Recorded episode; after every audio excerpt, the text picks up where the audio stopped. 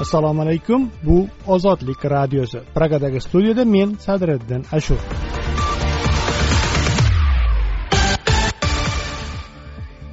Ozodlikning bugungi dasturida o'zbekistonda energetik kollaps gazdan uzilgan ko'mirga pul yo'q aholi yoqishga dov daraxt ekologiya esa jarimaga odam qidirmoqda.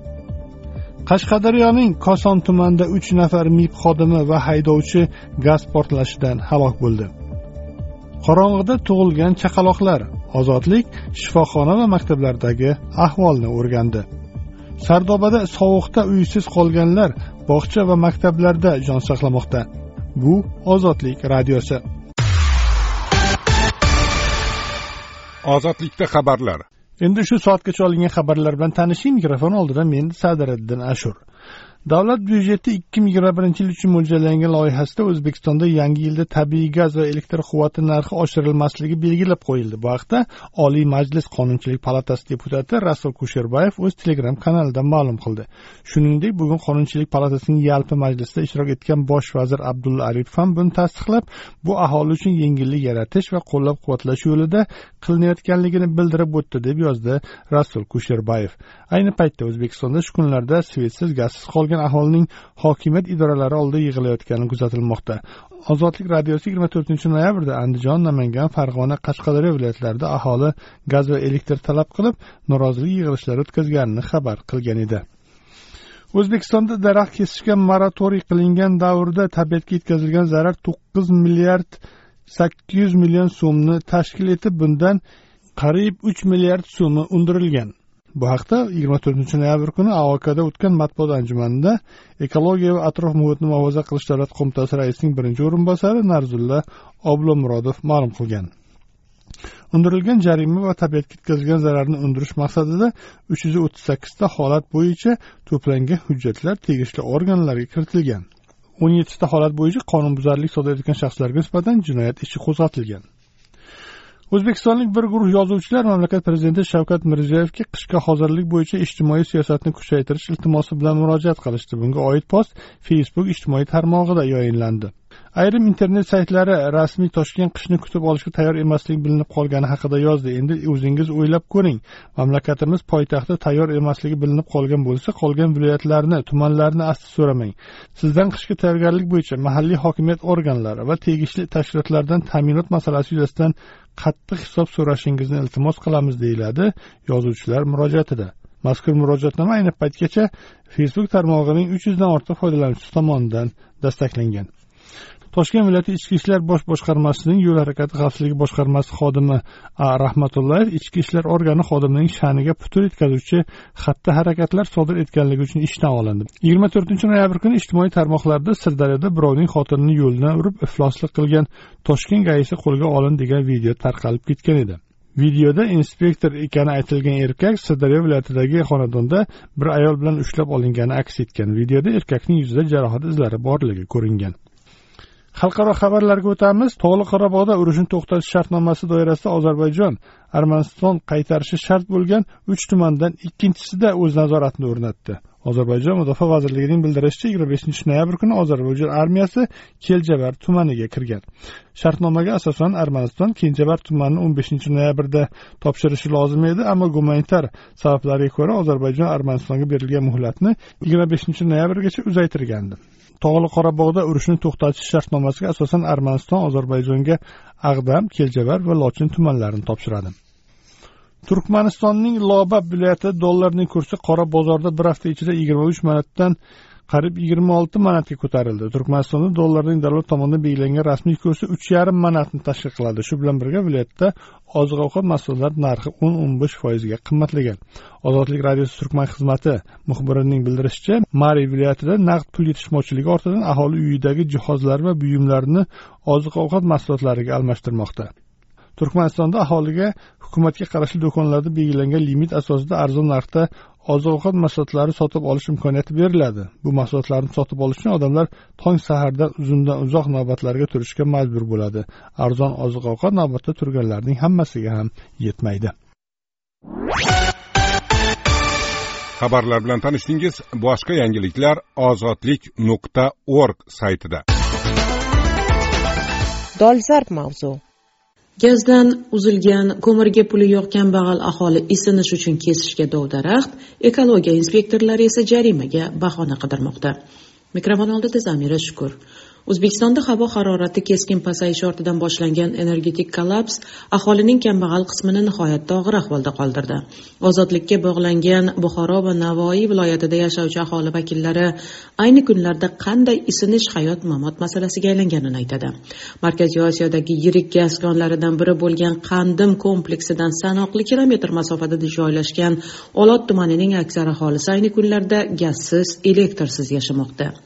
Qandim zavodidan gaz chiqib yonib yotibdi lekin bizga berilmaydi. Har yil cho'ldan o'tin olib kelardik yoki olib keladiganlardan sotib olardik. Bu yil cho'ldan o'tin oladiganlarni ekologiya qo'mitasi bosyapti bosganda ham juda katta summaga ishtirof qilyapti hovlimizda kesishga daraxt qolmadi. Qolganini bahordagi to'fon yo'q qildi. Qarag'on yoki boshqa daraxt yoqsak birpasda o'chib uyni isitmaydi saksovul so'rab borganga hokimiyatdagilar ko'mir ol deydi. Ko'mirning eng arzoni uch yuz ellik ming so'm. Bu degan kul. Yaxshisining tonnasi yetti yuz ming so'm. Pandemiya davrida daromadsiz qoldik. Yaxshi ko'mirga pulimiz yo'q. Mirziyoyevning yangilanayotgan o'zbekistoni gazsiz svetsiz ko'mir va o'tinsiz tirik qolish musobaqasi bo'lyapti deydi ozodlik gaplashgan olotliklardan biri. Ozodlik bilan shaxsi ochiqlanmasligini so'rab gaplashgan o'zbekiston ekologiya va atrof muhitni himoya qilish davlat qo'mitasining ayrim inspektorlari ayni kunlarda o'zlariga aholi va tadbirkorlarni turli bahona bilan jarimaga tortish haqida keskin buyruq berilganini aytadi. Bir tomondan cho'l zonasi uchun saksovul nihoyatda muhim buta sanaladi. Lekin boshqa tomondan hozir gap odamlarning sovuqdan tirik qolishi haqida ketyapti. Gaz yo'q havo sovuq bitta saksovul yoki ro'yxatga kiritilgan daraxtni kessa tamom juda katta jarima. Majburmiz daraxt kesganlarni qidirib yurishga. Bechora xalqqa juda qiyin bo'lyapti. Biz ham ochig'i qiynalib ketdik. Har kun tongda olti yarim yettida toshkentdan video selektor qiladi. Odam top jarima qil deydi. Elektr yo'q bo'lsa internet uzilsa bunaqa ozodlikning sovuq kunlarda kimga keragi bor deydi ozodlik gaplashgan ekologiya qo'mitasi inspektorlaridan biri. Inspektorlar tomonidan ozodlikka yuborilgan hujjatlardan birida yigirma to'rtinchi noyabr kuni butun respublika bo'ylab hududiy boshqarma mulozimlarining ertalabki soat yettida video selektor yig'ilishida qatnashishi buyurilgan. Bu majlis kun tartibiga ham aholidan undiriladigan to'lovlarni ko'paytirish masalasi kiritilgani ko'riladi. Bunday video selektorlarning muntazam o'tkazilayotgani haqidagi ma'lumotni rad qilgan ekologiya qo'mitasi matbuot xizmati mulozimi aholini qishning sovuq kunlarida daraxt kesish uchun jarimaga tortishni ko'paytirish haqida maxsus buyruq borligini ham inkor qildi. Odamlar o'z tomorqasidagi daraxtni kesishi mumkin. Keyin qo'mita tomonidan kesishga moratoriy e'lon qilingan daraxtlar ro'yxatida bo'lmaganlarni ham kesish mumkin. Lekin bunda ham tabiatga ziyon yetkazmagan holda. Ammo saksovul va rasmiy ro'yxatga kiritilgan boshqa daraxtlarni kesish uchun bir necha million so'mgacha jarima solinadi dedi qo'mita mulozimi. Davlat tizimlari aholining fundamental huquqi sanalgan qishda isinish haqqini ta'minlay olmayotgan ayni kunlarda mahalliy matbuot o'zbekistonda ko'mir va saksovul o'g'irligi ko'paygani haqida haqida xabar bermoqda. O'zbekiston davlat telekompaniyasi sakso o'g'irligi haqida maxsus reportaj tayyorlagan bo'lsa o'zbekiston temir yo'llari davlat kompaniyasi yurib kelayotgan poyezd vagonlaridan ko'mir o'g'irlash holatlari fosh qilinganini rasman ma'lum qildi.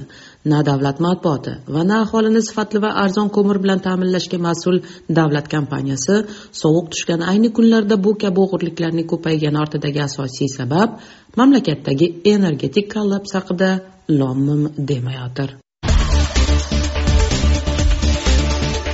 Ozodlik radiosi. Hodisa. Qashqadaryo viloyati koson tumanida yigirma ikkinchi noyabr kuni spark avtomobili portlab ketishi natijasida uch nafar mib xodimi va haydovchi voqea joyida halok bo'ldi. Gaz hidini sezgandan so'ng mashinani to'xtatib tushib qolgan ayolni portlash to'lqini besh metr masofaga uchirib yuborgan va u og'ir tan jarohati olgan. Mutaxassis avtomobilga gaz o'rnatish faoliyati bilan maxsus litsenziyaga ega bo'lmaganlar shug'ullanayotgani ko'paygani bois shunday fojialar bo'layotganini aytmoqda. Tafsilotlar bilan men sadiriddin ashur. Ismi sir qolishini so'ragan kosonliklardan birining aytishicha voqea uning ko'z o'ngida sodir bo'lgan. Ko'chada turgan edim mendan chamasi ellik metrlar joyda bir spark kelib to'xtadi. Undan bir ayol tushdi. Mashina besh o'n metr yurmay shunaqa kuchli portladiki uning to'lqini haligi ayolni uloqtirib yubordi. Mashinaning yonayotgan bir g'ildiragi ro'paradan kelayotgan yuk mashinasining ustiga borib tushdi. Moshina taxta ortgan ekan u ham chap beraman deb ag'darilib ketdi va u ham yona boshladi. Keyin пожарный keldi o'tni o'chirishdi. Mashinadagi to'rt kishi o'lib bo'lgan edi. Ularning uchtasi mib xodimi ekan? Yuk mashinasining haydovchisi va uning hamrohi ham jarohat olgan ekan. Ularni kasalxonaga olib ketishdi deydi kosonliklardan biri. Koson tumani majburiy ijro byurosining o'zini tanishtirmagan xodimi ozodlikka uch nafar xodimi halok bo'lganini tasdiqladi. Kasbdoshlarimiz o'sha kuni hududda ishni tugatib ishxonaga qaytishda taksiga o'tirishgan. Ularning ikki nafari chiroqchilik va bir nafari dehqonobodlik yigitlar edi. Hozircha bizga noma'lum sababga ko'ra mashina yo'lda portlab ketgan. Kecha ularning janozasi bo'ldi deydi mib xodimi.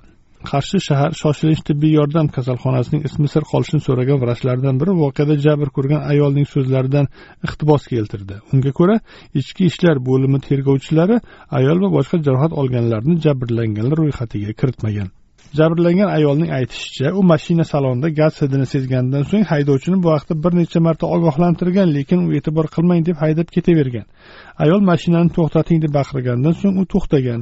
Ayol tushib qolgandan so'ng haydovchi harakatini davom ettirgan lekin besh olti metr yurmay mashina portlab ketgan. Ammo ayolni hech kim so'roq ham qilmadi nima bo'ldi deb so'ramadi ham deydi shifokorlardan biri.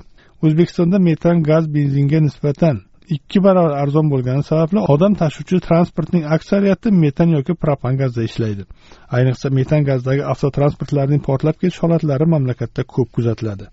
Toshkentdagi avtomobillarga gaz o'rnatish korxonalaridan birining ismi sir qolishini so'ragan rahbariga ko'ra spark avtomobiliga ham metan yoki propan gaz ballonlarini o'rnatishga ruxsat berilgan.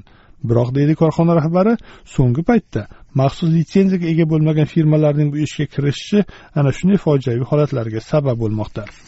Ballon sparkning bagajiga o'rnatiladi. Unga kerakli qismlar ham ballonlar ham o'zbekistonda ishlab chiqariladi. Gap ballonni qanday o'rnatib qanday ekspluatatsiya qilishda har bir ballonning sinov muddati bor vaqti vaqtida test qilib turish kerak. Hozir maxsus ruxsatnomaga ega bo'lmagan tashkilotlar ham bu ish bilan shug'ullanyapti. Bu juda yomon. Vazirlar mahkamasining uch yuz yigirma oltinchi qarori bor. Bunday tashkilotlar akkreditatsiyadan o'tgan va unda laboratoriya bo'lishi kerak. Bunday laboratoriyalarda yuqori bosimdagi kompressorlar bilan sinovdan o'tkazilishi shart.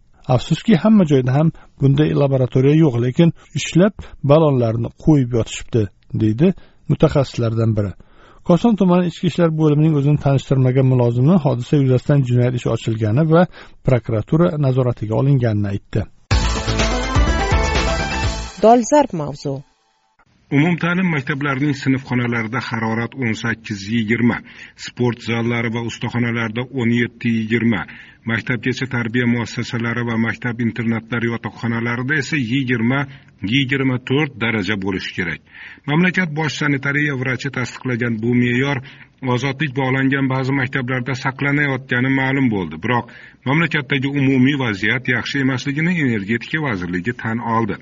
Ba'zi kasalxonalar xodimlarining ozodlikka aytishicha ular o'zlari ham kasallar ham sovqotmayapti. Biroq ozodlikka kelgan video xabardan energiya manbalari uzilishidan bemorlar hayoti xavf ostida qolayotgani anglashiladi. Ozodlikka yigirma birinchi noyabr kuni toshkent viloyati toshkent tumani markazi kelish shahridagi tug'ruqxona hovlisida yozib olingani aytilgan video keldi. Qirq to'rt soniyali tunda olingan videoda video kamera chirog'i ro'paradagi binoni yoritib turadi. Kadr ortidagi erkak kishi keles tug'ruqxonasiga kelganini aytar ekan bino eshigiga yetib boradi va ichkaridan chiqqan ayoldan kennoyi anchadan beri chiroq o'chganmi? Chaqaloqlar qayerda deb so'raydi. Ayol chaqaloqlar mana shu yerda yotibdi deb javob beradi. Shundan so'ng qadr ortidagi erkak bino oldiga tez yordam mashinalari ham kelayotganini aytadi. Qorong'ulikda yonib o'chuvchi ko'k chiroqlar ko'rinadi. Mashina eshigining ochilib yopilgani eshitiladi. Video muallifi voqeaning qachon bo'lganini xabar qilmagan. Toshkent viloyat sog'liqni saqlash boshqarmasi mulozimi ozodlikka keles tug'ruqxonasida chiroq o'chib qolgani to'g'risida hech qanday ma'lumoti yo'qligini aytib toshkent tuman tibbiyot birlashmasi tug'ruq kompleksining o'zidan ma'lumot olishni tavsiya qildi. Kompleks rahbari sevara mirsoatovna esa kun davomida qilingan qo'ng'iroqlarga javob bermadi. Kelesdagi tug'ruqxona elektr ta'minotidan uzilib qolganiga oid video xabar chiroqsiz va issiqliksiz qolganlarning shikoyatlari butun mamlakat bo'ylab ko'payib ketgan paytga to'g'ri keldi. Havo harorati keyingi kunlarda keskin pasayib ketgani tufayli aholining mahalliy rahbarlardan gaz va elektr talab qilib chiqishlari kuzatilmoqda. Ayni paytda ozodlik bog'langan ba'zi kasalxona va maktablarda ahvol nisbatan yaxshiligi ma'lum bo'ldi.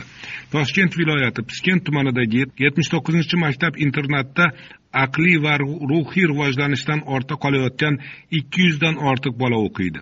Shu maktab o'qituvchisi o'ttiz bir yashar sherzod Roziqovning yigirma to'rtinchi noyabrda ozodlikka bildirishicha internatda o'quvchilar sovqotib qolayotgani yo'q. Sinfda bolalar bitta ko'ylakda o'tira oladimi degan savolga o'qituvchi bitta ko'ylakda o'tirishlariga o'zimiz ruxsat bermaymiz. Chunki tanaffusda tashqariga chiqqanida shamollab qolishi mumkin dedi. Sherzod rozikovning aytishicha u ishlayotgan maktab tabiiy gaz bilan isitiladi surxondaryo viloyati Angor tuman tez tibbiy yordam kasalxonasida ham ismi aytilishini istamagan hamshiraning aytishicha palatalar issiq. Faqat svetda uzilish bo'lgan vaqtda xonalar sovishi mumkin boshqa vaqtda xonalar issiq dedi u. Hamshiraning aytishicha elektr ta'minotidagi uzilish deyarli har kuni bo'lyapti. Kunduzida ham har kuni bir soat yarim soatlab o'chib qolyapti lekin xonalar sovqotib qoladigan darajada sovib ketmaydi. Shaxsan men paltosiz yura olaman kasalxonada dedi hamshira.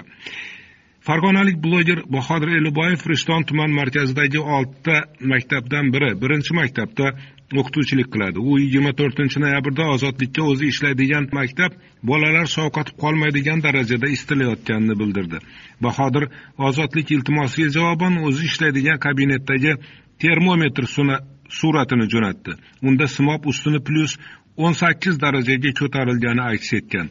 Bahodir erboyevning aytishicha surat sinf bolalardan bo'shaganidan bir yarim ikki soat o'tib olingan.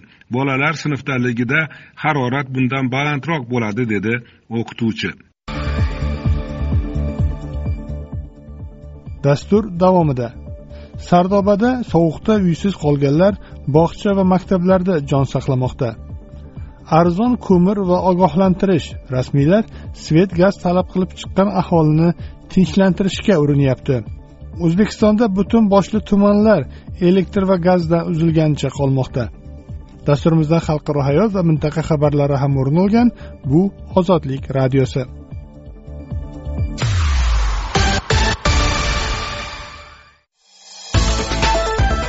Ozodlikda dolzarb mavzu. Sardobada uysiz qolganlar sovuqda bog'cha va maktablarda jon saqlamoqda. Tafsilotlar bilan hurmat bobojon. Sardoba toshqinida vayron bo'lgan kadastr hujjatlari yo'q uy egalari o'zbekistonda qattiq sovuq boshlangan bir paytda hanuz boshpanasiz sarson bo'layotganliklarini aytishmoqda. Yagona boshpanasidan ayrilgan aholi turli idoralarga murojaat qilib biror natijaga erishmagan. Sardoba tumani hokimligi rasmiysi ozodlik bilan suhbatda uysiz aholidan shikoyatlar ko'payganini tasdiqladi. O'zbekistonda havo haroratining keskin pasayib ketishi suv toshqinida uysiz qolgan yuzlab sardobalik qatori uch farzandning onasi odina rasulova uchun ham qiyinchiliklarni tug'dirgan. Joriy yilning birinchi may kuni sirdaryo viloyatidagi sardoba suv omborida ro'y bergan texnogen falokat oqibatida sardoba oqoltin mirzobod tumanlaridagi yigirma to'rtta aholi punktidan to'qson mingga yaqin odam evakuatsiya qilindi. Uch bolam bilan ko'chada qoldim. Traktor parkidan joy qilib bergan bolalar bilan betonda yotibmiz deydi odina rasulova. Ofat oqibatida boshpanasiz qolganlarga hokimiyat bog'cha va maktablarda vaqtincha yashash uchun joy ajratib bergan. Sardoba tumanining do'stlik mahallasida yashovchi oysara isroilova farzand va nabiralari bilan uysiz qolganlardan yana biri. Farzandlarim nevaralarim hammamiz o'n uchta jonmiz. Sardoba tumanidagi uchinchi son bog'chada jon saqlayapmiz. Отопление yo'q sakkiz xonali hovlida yashaganmiz deydi isroilova sardobaning do'stlik tumanida yashovchi sayyora xolboyeva ham boshpanasiz qolganlardan. Uning aytishicha ba'zi jabrdiydalar sovuqda toshqindan vayron bo'lgan hovlisida chaylab tiklab jon saqlamoqda. Suv talofatidan keyin uyimizni tozalashga borganimizda uylaring talabga javob bermaydi endi. Bu uylarni o'rniga ko'p qavatli uylarni quramiz dedi. Biznikilar ko'nmagandi. Ikki oila yashaganmiz. Mana uylarni ham qurishdi lekin bizga uy bergani yo'q deydi sayyora xolboyeva yagona boshpanasidan ayrilgan xolboyeva kabi o'nlab odam yigirma uchinchi noyabr kuni sardoba tumani hokimligiga uy so'rab murojaat qilgan. Ozodlik uysiz qolgan aholi arzi yuzasidan sardoba tumani hokimi abduazim xidirov qo'l telefoniga qo'ng'iroq qildi lekin telefonni hech kim ko'tarmadi. Sardoba tuman hokimligining ismiz ochiqlanmasligini so'ragan rasmiysi ozodlik bilan suhbatda uysiz aholidan shikoyatlar ko'payganini tasdiqladi. Har bir murojaat aholida aholi o'rganilyapti. Bu yerda oliy majlisdan mahalla fuqarolar yig'inlaridan adliyadan vakillar o'tiribdi. Bittami bitta ko'rib chiqyapmiz. Kadastri bo'lmasa uy e, beriladi degan gap bor. Lekin buning uchun mahallani tasdig'i kerak bo'ladi. Haqiqatan ham shu yerda yashagan degan. Ungacha ular vaqtincha yashashlari uchun barcha sharoitlarni yaratib qo'yibmiz dedi hokimlik rasmiysi. Mulozim e, shuningdek ikkita uyim suv ostida qoldi deb murojaat qilganlarning aslida bitta ham uyi bo'lmagani. Ayrim odamlar vaziyatdan foydalanib qolish ilinjida talofatni oshirib ko'rsatib ko'proq yordamga ega bo'lishga harakat qilayotganini ham ta'kidladi.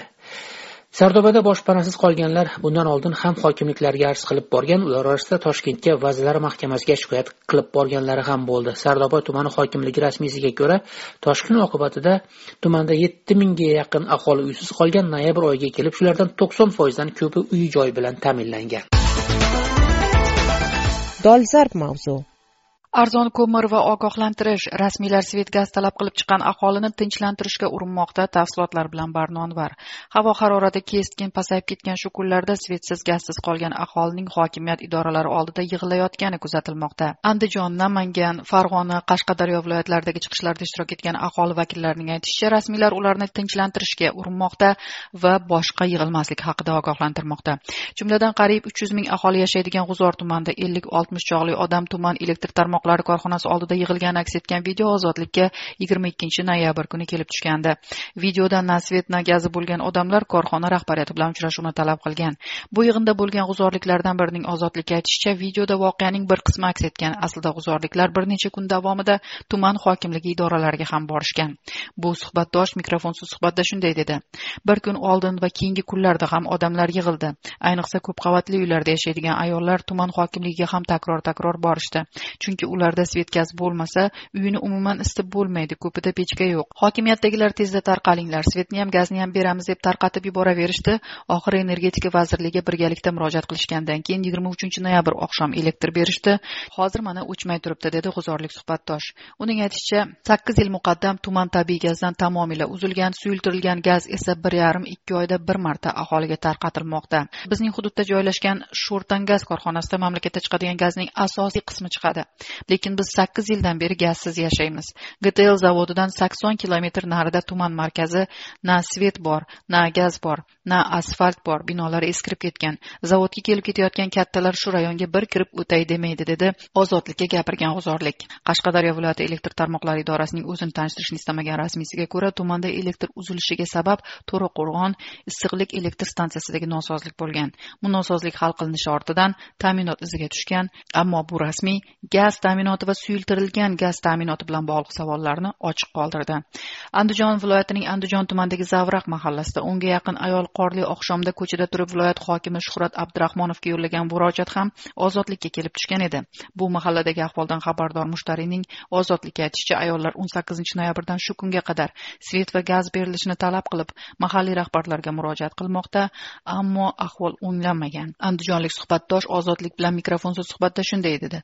Video murojaat ozodlikda chiqqandan keyin viloyat va tuman hokimliklari prokuraturasi elektr tarmoqlari idorasidan odamlar keldi. Svet gazni beramiz sizlar u yoq bu yoqqa yugurmanglar deyishdi lekin na svet na gaz berishdi. Hozir endi bu aholiga yordam berish o'rniga mahallayu hokimiyatdagilar kelib videoni kim internetga chiqarganini qidirib yurgan ekan dedi andijonlik suhbatdosh. Andijon tuman hokimligi va elektr tarmoqlari idoralari ham bu borada ozodlik savollariga javob bermadi. Namangan shahrida yigirma uchinchi noyabr kuni gaz yo'qligidan norozi bo'lgan aholi bilan esa shahar hokimining o'rinbosari jobirxon abdullayev uchrashdi. Telegramdagi namanganliklar kanalida tarqatilgan videoda hokim aholiga ko'mir va o'tin g'amlashni tavsiya qiladi. Tabiiy gaz berilmayotganiga oid savollarni esa ochiq qoldiradi. Toshloq tumanida ham bir guruh norozi aholi mahalliy rahbarlardan svet va gaz talab qilayotgani aks etgan videoni yigirma to'rtinchi noyabr kuni bloger va jurnalist zafar solijonov telegram kanalida e'lon qildi. Farg'ona viloyatidagi hokimlik idoralaridan birida ishlaydigan ozodlik manbasining mikrofonsiz suhbatda aytishicha bu yil viloyatning svet va gaz uzilmaydigan aksar hududlarda ham elektr uzilib qolgan. Tabiiy gaz bosimi esa juda pastlab ketgan. Bu manba mahalliy rasmiylar ayni paytda aholi kayfiyatini nazorat qilib turish norozilik kuchaygan hududlarda aholi bilan yuzma yuz uchrashib muammolarni hal qilib berishga urinayotganini aytdi. O'tgan yil noyabr oyida andijon qoraqalpog'iston sirdaryo viloyatlarida svet va gaz yo'qligidan norozi bo'lgan odamlar ko'chalarni to'sib qo'ygan edi. O'shanda bosh vazir abdulla aripov aholiga gaz va elektr energiyasini yetkazib berishga bag'ishlangan videoselektor yig'ilishini o'tkazgan va mamlakatdagi vaziyatni sharmandali holat deb baholagan edi. Ammo o'n sakkizinchi noyabrdan havo harorati keskin pasayishi bilan nafaqat viloyatlar hatto poytaxtning qator tumanlarida ham isitish tizimidagi qozonxona issiq suv va gaz uzatadigan tarmoqlarda nosozliklar kelib chiqa boshladi. Mamlakat bo'ylab kuzatilayotgan energetika inqirozining asl sabablari va yechimi borasida o'tgan yillarda bo'lgani kabi bu yil ham hukumatning mas'ullari jiddiy bayonot bergancha yo'q. Ozodlik radiosi xalqaro hayot. Ramzan qodirov amerika super qahramonlariga urush e'lon qildi. Mavzu tafsilotlari bilan ahmad umar. Yigirmanchi noyabr kuni chechenistonning avtoritar rahbari ramzan qodirov bolalar markazlari va o'yin maydonchalaridagi amerika komikslari qahramonlari tasvirlarini shimoliy kavkaz respublikasining haqiqiy qahramonlari bilan almashtirishni buyurdi. Qodirovning ushbu buyrug'i e'lon qilinishidan avvalroq u kurchaloy shahridagi yangi ko'p qavatli turar joy majmuasiga tashrif buyurgan edi. U yerda chechen rahbari bolalar markazi devorlariga chizilgan amerikalik komiks va kino qahramonlarini tanqid qildi. Qodirov o'n oltinchi noyabr kuni yangi majmuaga qilgan tashrifi davomida kapitan amerika tor temir odam va supermen obrazlari haqida bu xayoliy personajlarning rasmlarini o'chirib tashlashimiz kerak. Ular fantaziya dedi. Din va odamlar tarixida o'rnak olish mumkin va lozim bo'lgan juda ko'p haqiqiy qahramonlar bor. Aks holda bolalar faqat mana shu qahramonlar mavjud deb o'ylashadi deya qo'shimcha qildi qodirov. Yigirmanchi noyabr kuni qodirov bolalar markazlari va o'yin maydonchalaridagi barcha komiks super qahramonlarning rasmlarini olib tashlash borasida buyruq berganini aytdi.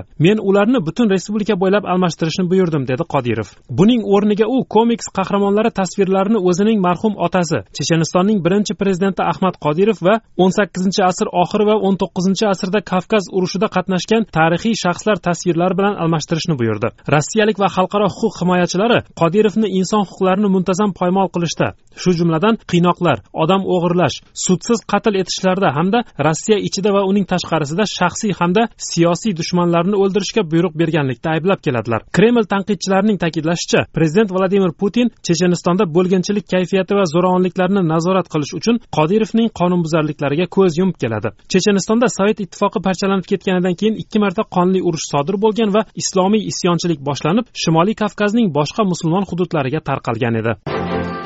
Ozodlik radiosi. Mintaqa yangiliklari afg'onistonning eng xavfsiz viloyati bomiyon markazida ham bombalar portladi. Yigirmaga yaqin odam halok bo'ldi oltmish kishi tan jarohati oldi. Tafsilotlar bilan men olim ko'hkan kobuldan tanishtiraman. Aksariyat aholisini shii mazhabli etnik hazoralar tashkil etgan bomiyon viloyati markazida yuz bergan ikki portlash natijasida yigirmaga yaqin aholi qatl etildi. Oltmish kishi tan jarohati oldi deya xabar berdi mahalliy rasmiylar. Mazkur viloyatning politsiya boshqarmasi boshlig'i polkovnik zabardast sofiyning aytishicha hodisa bomiyon shahrining eng gavjum bozorida sodir etilgan. U qurbon bo'lganlar orasida ayollar va bolalar borligini aytdi.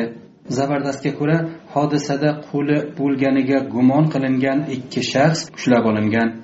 Afg'onistonning markaziy hududlaridan sanalgan bomiyon viloyati mamlakatning eng tinch viloyati hisoblanadi. Davlat dushmanlari ushbu viloyat xavfsizligiga barham berish maqsadida bir necha oydan beri sa'y harakat olib boradi dedi zabardast sofiy. Afg'oniston vitse prezidenti sarvar donish mazkur hujumni qoralab davlat xavfsizlik kuchlaridan bomiyon viloyati xavfsizligini mustahkamlash uchun ortiqcha choralar ko'rishlarini so'radi. Haligacha hech bir tomon mazkur hodisa mas'uliyatini o'z bo'yniga olmagan toliblar tomoni ushbu hujumga qo'li bo'lmaganini aytgan.